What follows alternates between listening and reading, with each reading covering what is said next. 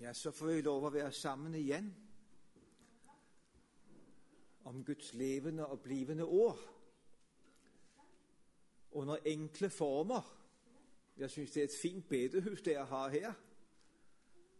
Bestemt, men det er jo ikke noen katedral. Men det skal man ikke ta feil av. Man skal ikke ta feil av det. For her samles vi om de viktigste spørsmål i livet. Og hadde folk visst her i Namsos hvor viktige disse spørsmålene er, så hadde det ikke vært plass her. Så hadde det vært trengsel. Så skulle vi hatt et stadion, minst. Hvis de hadde visst hva det betyr, de spørsmålene vi tar opp her, hvor vi samles om Guds ord i sannhet. Hvilke konsekvenser disse spørsmål har, så hadde folk stimlet sammen. Det spørsmålet er uendelig betydning for deg og meg. Slik er det. Og er det et stort privilegium vi får lov å være sammen om det. Vel, kanskje ikke alltid vi skjønner det. Hvilken nåde det er. Nådestund. Ja. La oss be om vi må utnytte den stunden. Ja, kjære Jesus. Du som kjenner oss til bunns. Alle sammen. Du som har skapt oss. Takk at vi er skapt i deg, ved deg og til deg. For vi skulle bli liksom deg og være sammen med deg alltid. Derfor eksisterer vi. Derfor lever vi. Takk at det er din vilje med oss.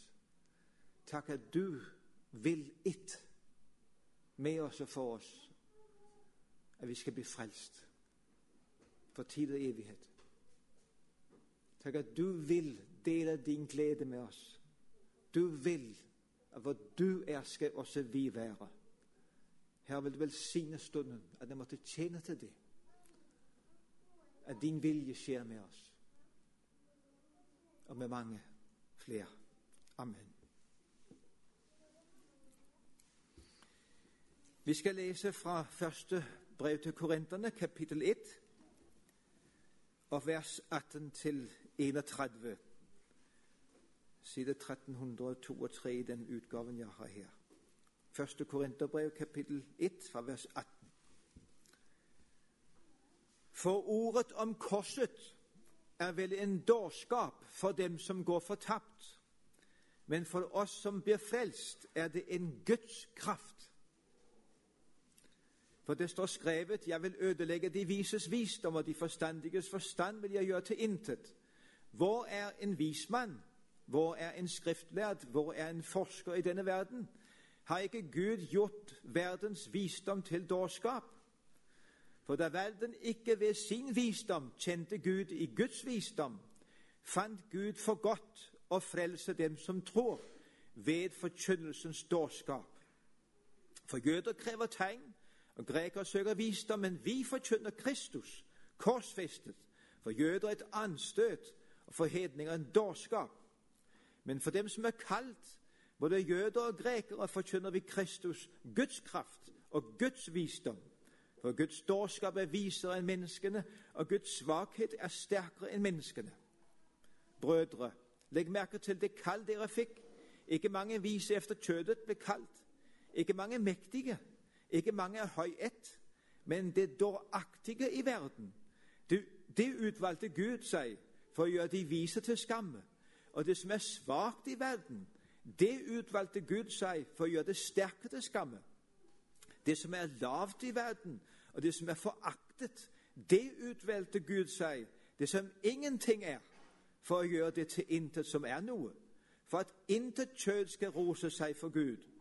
For det er Hans verk at dere er i Kristus Jesus, Han som for oss er blitt visdom fra Gud, rettferdighet og helliggjørelse og forløsning, for at, som skrevet står, Den som roser seg, han roser seg i Herren. Amen.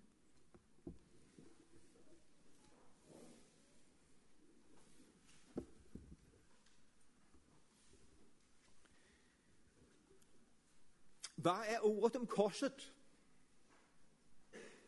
Jo, det er det at Jesus døde for våre synder. At han bar våre synder opp på korsets tre.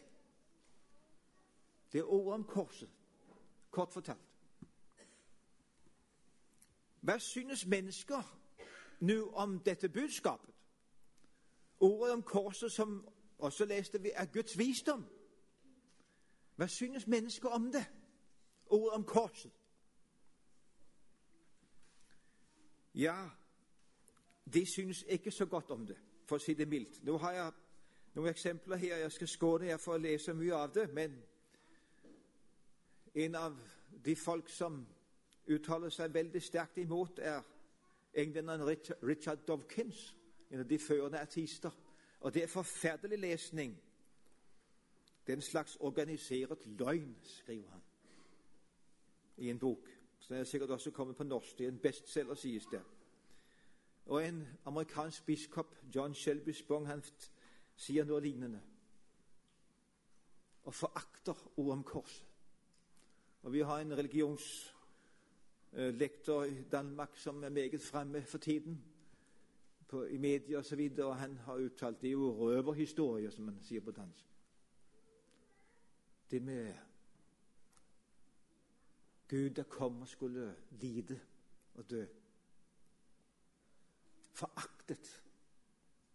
For hedninger er det nettopp en dårskap. Det er ikke noe nytt. Vi har et eksempel med Alexamenos. Vi ser litt på skjermen her et eksempel helt fra de første århundrer. Det er en tegning fra en katakombe. Og det er Alexamenos var nok en slave og så er det en medslave som skulle, skulle drive gøy med ham, Alexamenos. Så han tegnet sånn et kors, og så ser man en figur med et eselhode. Og vi forstår jo hentydningen med det. Eselhode. Om ham der red inn i Jerusalem palmesøndag på et esel. Og så står det i teksten Alexamenos tilber sin Gud. Og da er det jo tydelig at mer tåpelig kan det ikke bli. Takk for det. Vi kan bare fjerne ham igjen. Bare for å gi et eksempel på hva fornuften, kan man si, mener om korsets budskap. Det er dårskap. Og jøden, den religiøse Grekeren, det er jo filosofen. Det bruker fornuften. Og jøden, det er den religiøse som lykkes med sitt liv. Han vil si Vi leste det her, det er, han tar anstøt. Han vil si en korsfestet mann. Skulle jeg ha bruk for en korsfestet mann? for å bli frelst. Aldri i livet. Det støter meg på mine mansjetter. Grekeren sier en korsfestet Gud. Aldri i livet. En Gud er en der slåss og får de andre det med nakken. Ikke en Gud som lar seg korsfeste. Hører ingen steder hjemme. Og den fromme jeg har ikke bruk for det. En korsfestet mann.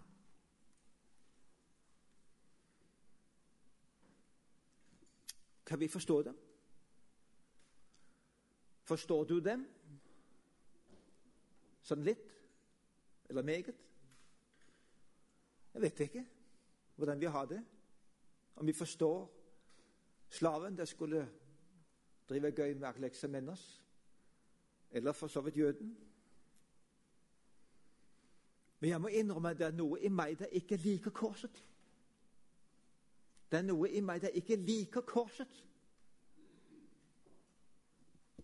Korset er noe skamfullt, noe med vanære. Kanskje vi har vært, holder på å glemme det? At korset er noe med vanære, noe skamfullt. Men det står jo i Hebreerbrevet 12 at, at Jesus han enset ikke vanæren. Skammen står det på dansk. Det er en vanære. Jeg vet at vi bruker jo korset som smykke. Det er pent. Men korset var jo opprinnelig. Og i den bibelske sammenhengen er korset jo ikke noe smykke. Og ikke noe pent. Det var verre enn en galge som man henger mennesker i.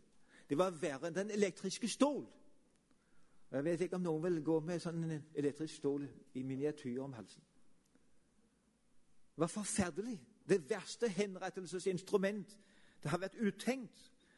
Hvor man henrettet oppsettelige slaver, landsforrædere, sørøvere. Og det er en juridisk filosof i Rom det levde omkring den tiden, Cicero, litt, litt før Kristus. Han skriver at det er upassende overhodet å bruke ordet kors for ordentlige folk.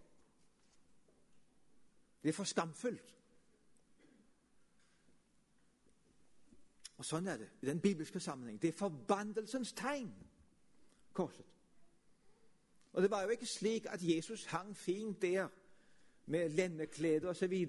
Da er det sant som Andreas Fibiger, en gammel prest i København. der levde siste århundre og virket veldig. Det er ham som har skrevet boken 'Guds lam', som Carl Fredrik Wisløff har anbefalt mye å lese i fastetiden.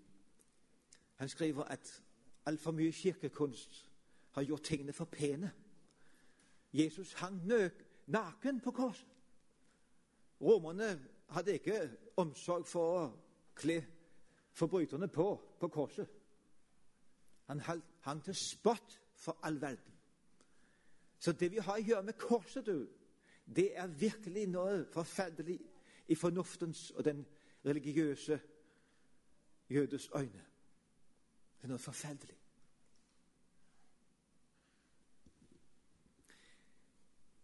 Men hvordan kan Paulus så skrive som han gjorde her, eller gjør her, og tale andre steder om at han skammer seg ikke ved korset? Han roser seg liksom av det. Han er stolt, står det på dansk. Hvordan kan han si det? Vet du hvorfor?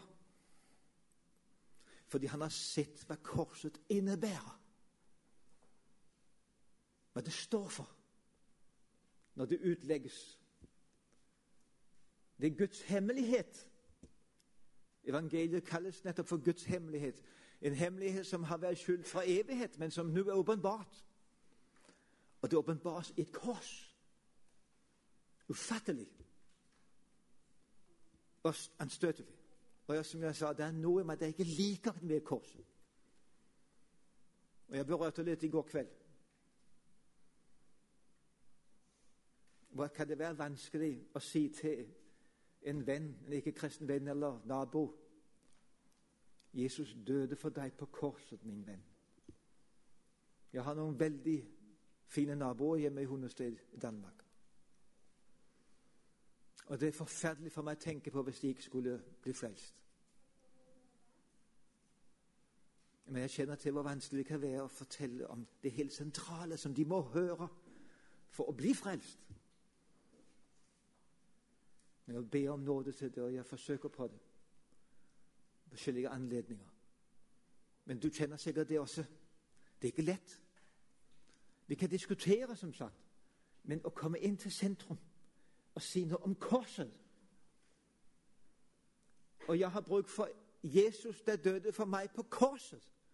Har du noensinne sagt det til en nabo eller en kollega? En verdslig kollega?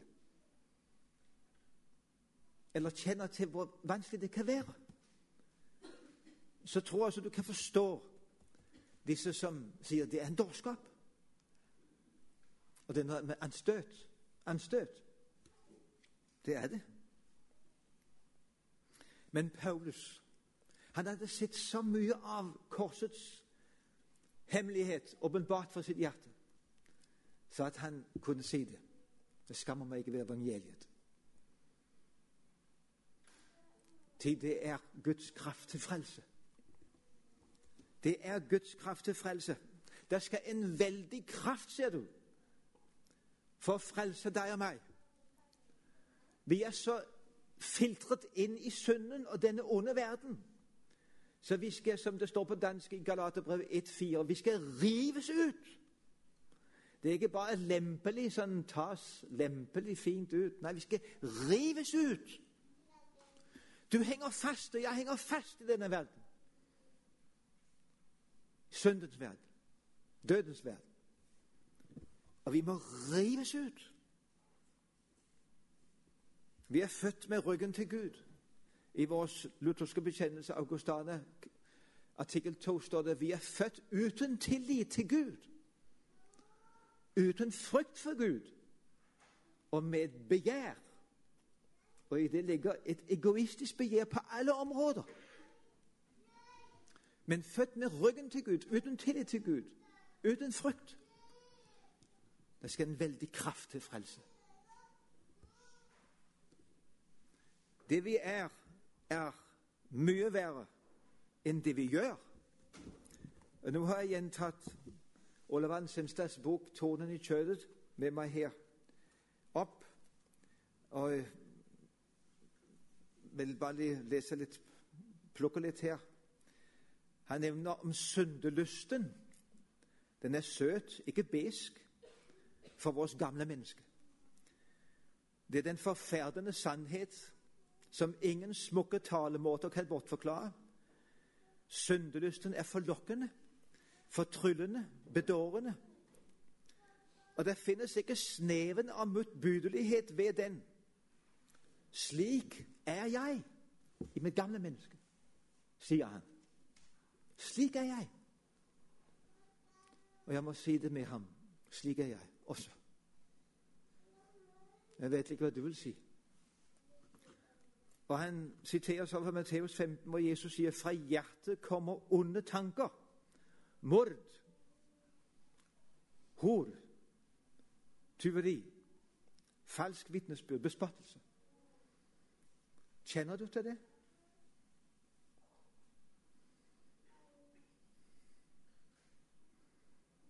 Jeg kjenner til det. Men som jeg nevnte i går kveld, det er ikke sikkert vi kjenner til det eller ser det. For hvis vi ikke kommer tett på lyset, Guds års lys, så ser vi det ikke. Og han fortsetter. Hva er ikke alle disse lyster? Ærelyst, forfengelighet, maktlyst, pengelyst. Jeg har måttet bekjenne min pengelyst. Jeg vet ikke om du har prøvd å, å gi, gi opplysninger som ikke var helt riktige, kanskje. Eller ta det lett med noen ting fordi du fikk en gevinst.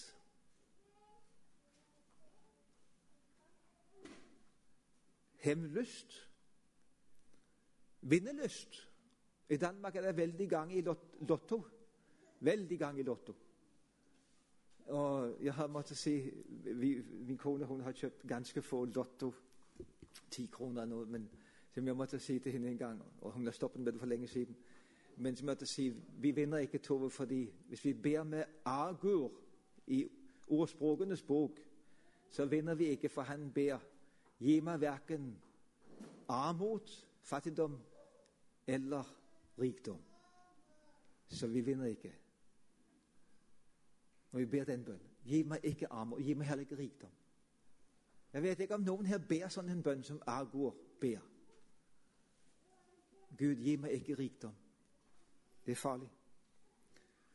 Eller lidenskaper fortsetter Olav Senstad som hat, retthaveri, hovmot, misunnelse, sjalusi, bitterhet. Slik er jeg, slutter han også der. Ola Wallensenster han var en fin kar. Han var en dyktig teolog. Har skrevet mange oppbyggelige bøker som har hatt stor betydning i hele Norden. Tenk, han sier slik om seg selv!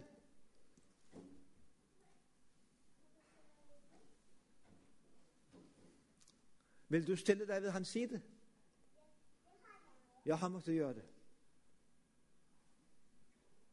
Men det er ikke, det er ikke moro, det. Men jo, si det sånn formelt kan man godt. Vi er alle syndere. Men si at 'jeg er en lille tyv'. Eller en liten bedrager. En liten hevngjerrig. En liten deres under. Og så videre.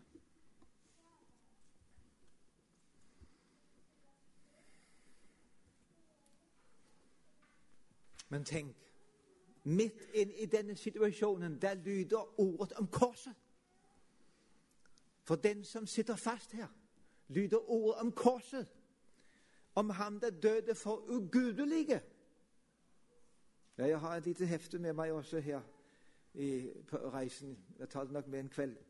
Der står 'Evangeliet for ugudelige'. Det er skrevet av Det, det er utgitt på norsk, men jeg vet ikke om han der har skrevet det, var nordmann. Men uh, Det er lite hefte, men det er veldig godt, syns jeg. Det lå på et bord på Jylland, en plass hvor jeg var på leirsted. Og det var fritt tilgjengelig. Man kunne bare ta det. Men det var liksom om det var ikke noe som folk syntes at de hadde, hadde lyst til å ta. Men jeg måtte si at jeg, det var noe for meg. Evangeliet for ugudelige. For det er jeg meg selv.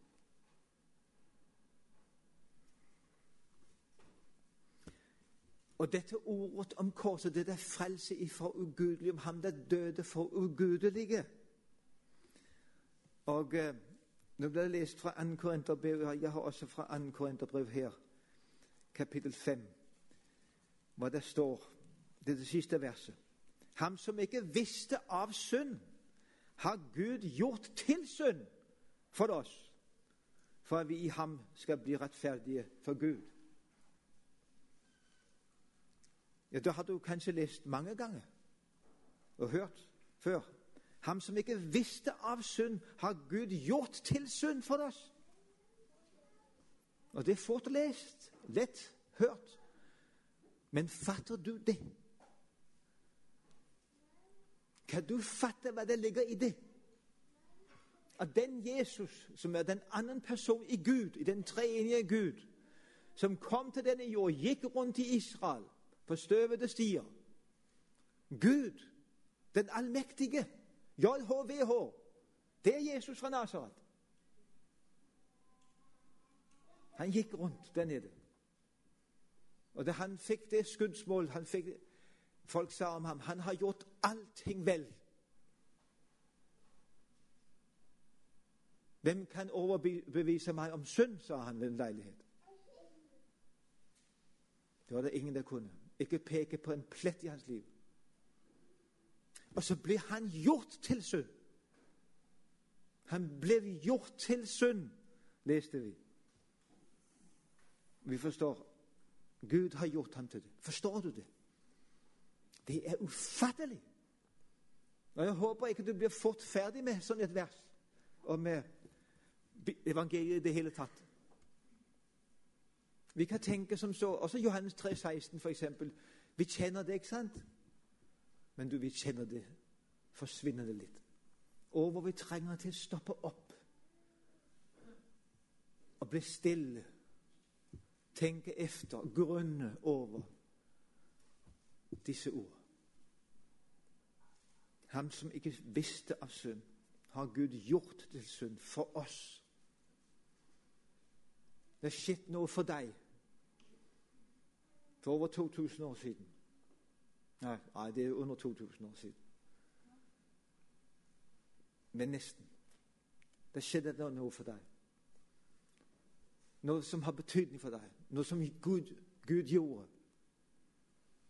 Han gjorde den andre personen i Gud til synd. For deg. For at du skulle bli Guds rettferdighet i ham. For at du skulle være en uten plett. Det er ufattelig. Ubegripelig. Jeg har en annen bok her av en norsk biskop utnevnt som hadde, har skrevet noe fra Luther, hva Luther har sagt om dette her. Og jeg syns det er så fint. om Gud er selv fører synderes sak, om han viser seg grenseløst trofast mot sine fiender, fiender. Han er den Gud som påtar seg alt vårt og kan si 'Jeg er din sønn'. Det er det Jesus egentlig sa. 'Jeg er din sønn'. Jeg er din forbannelse. Jeg er Guds vrede over deg. Jeg tar den. Jeg er ditt helvete. Han er den Gud som blir en synder for at syndere skal få del i hans rettferdighet. Blir en forbannelse for at de forbannede skal få del i hans velsignelse. Blir dømt til døden for de dødsdømte skal leve. Det er det ubegripelige som Luther aldri blir ferdig med. Som jeg håper heller ikke du blir ferdig med. I er dyrt kjøpt, står det i 1. Korinterbrev 6. Og Det samme kommer i kapittel 7. I er dyrt kjøpt. Du er kjøpt dyrt. Med Guds eget blod. Guds hjerte, sang vi før, ble knust for deg. Guds hjerte ble knust for deg. Er det noe det påvirker deg, gjør inntrykk på deg? Er det noe du stopper opp for og undres over? Eller er det en selvfølge?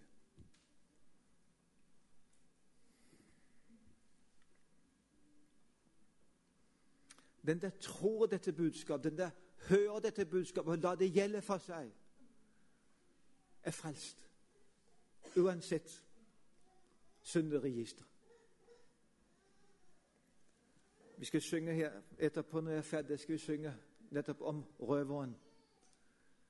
Og jeg syns sangeren sier det fint der, hvordan Om jeg må liksom være liksom røveren, stå ved røverens side.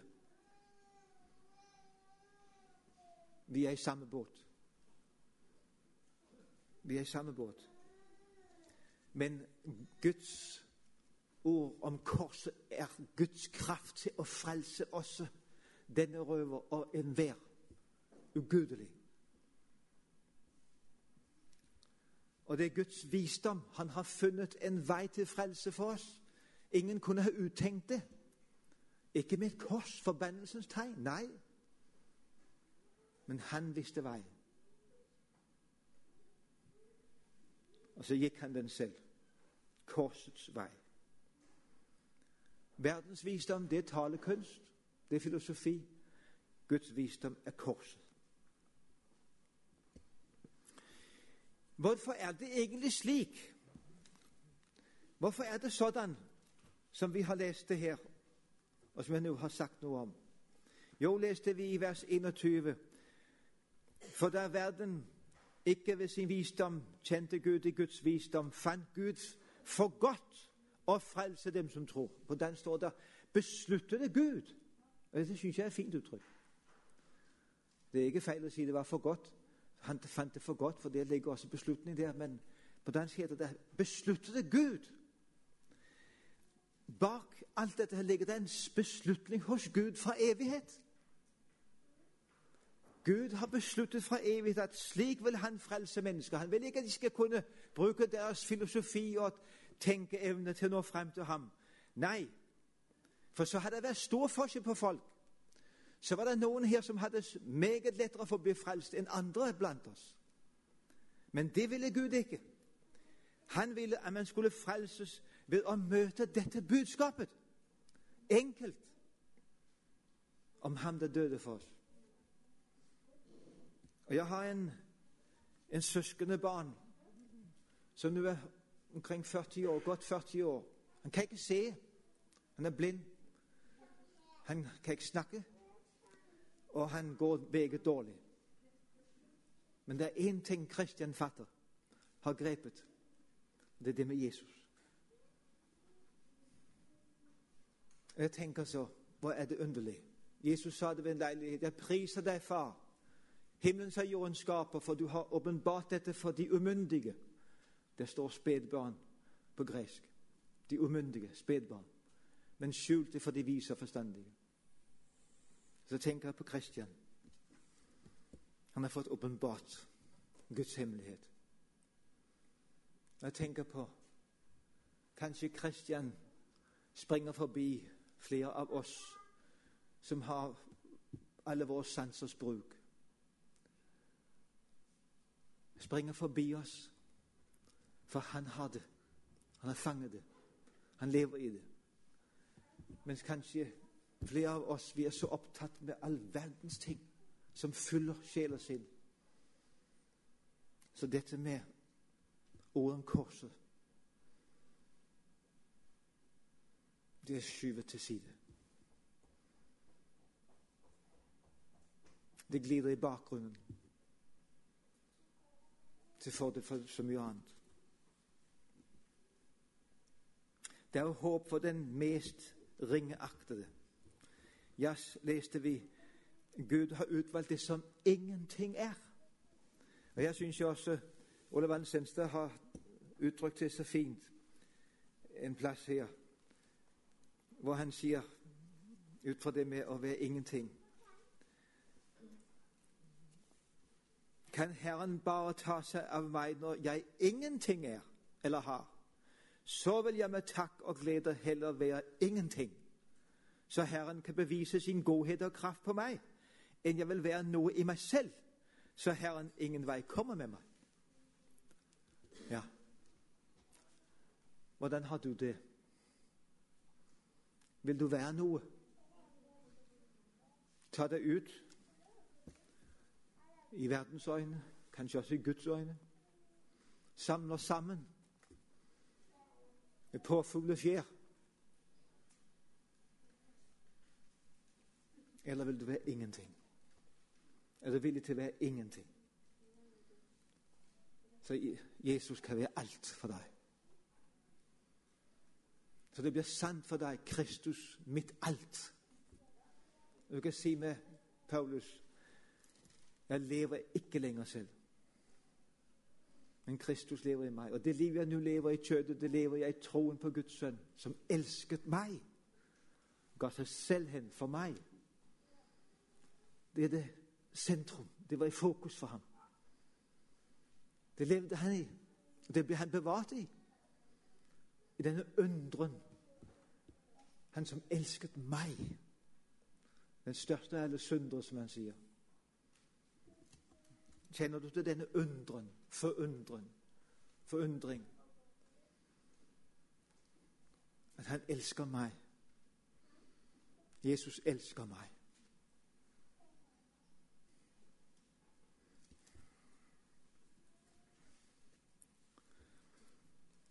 Hva er resultatet av dette som Gud har besluttet, og som han har fullført til din min frelse? Hva er resultatet av det, av Guds handlemåte?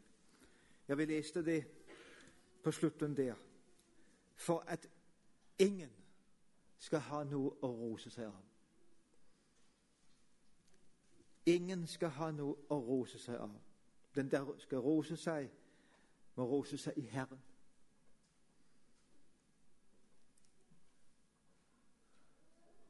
Det er viktig vi når frem til det resultat. Jeg har ingenting å rose meg av. Jeg har ingenting jeg kan by frem for Gud som er hans ros hver.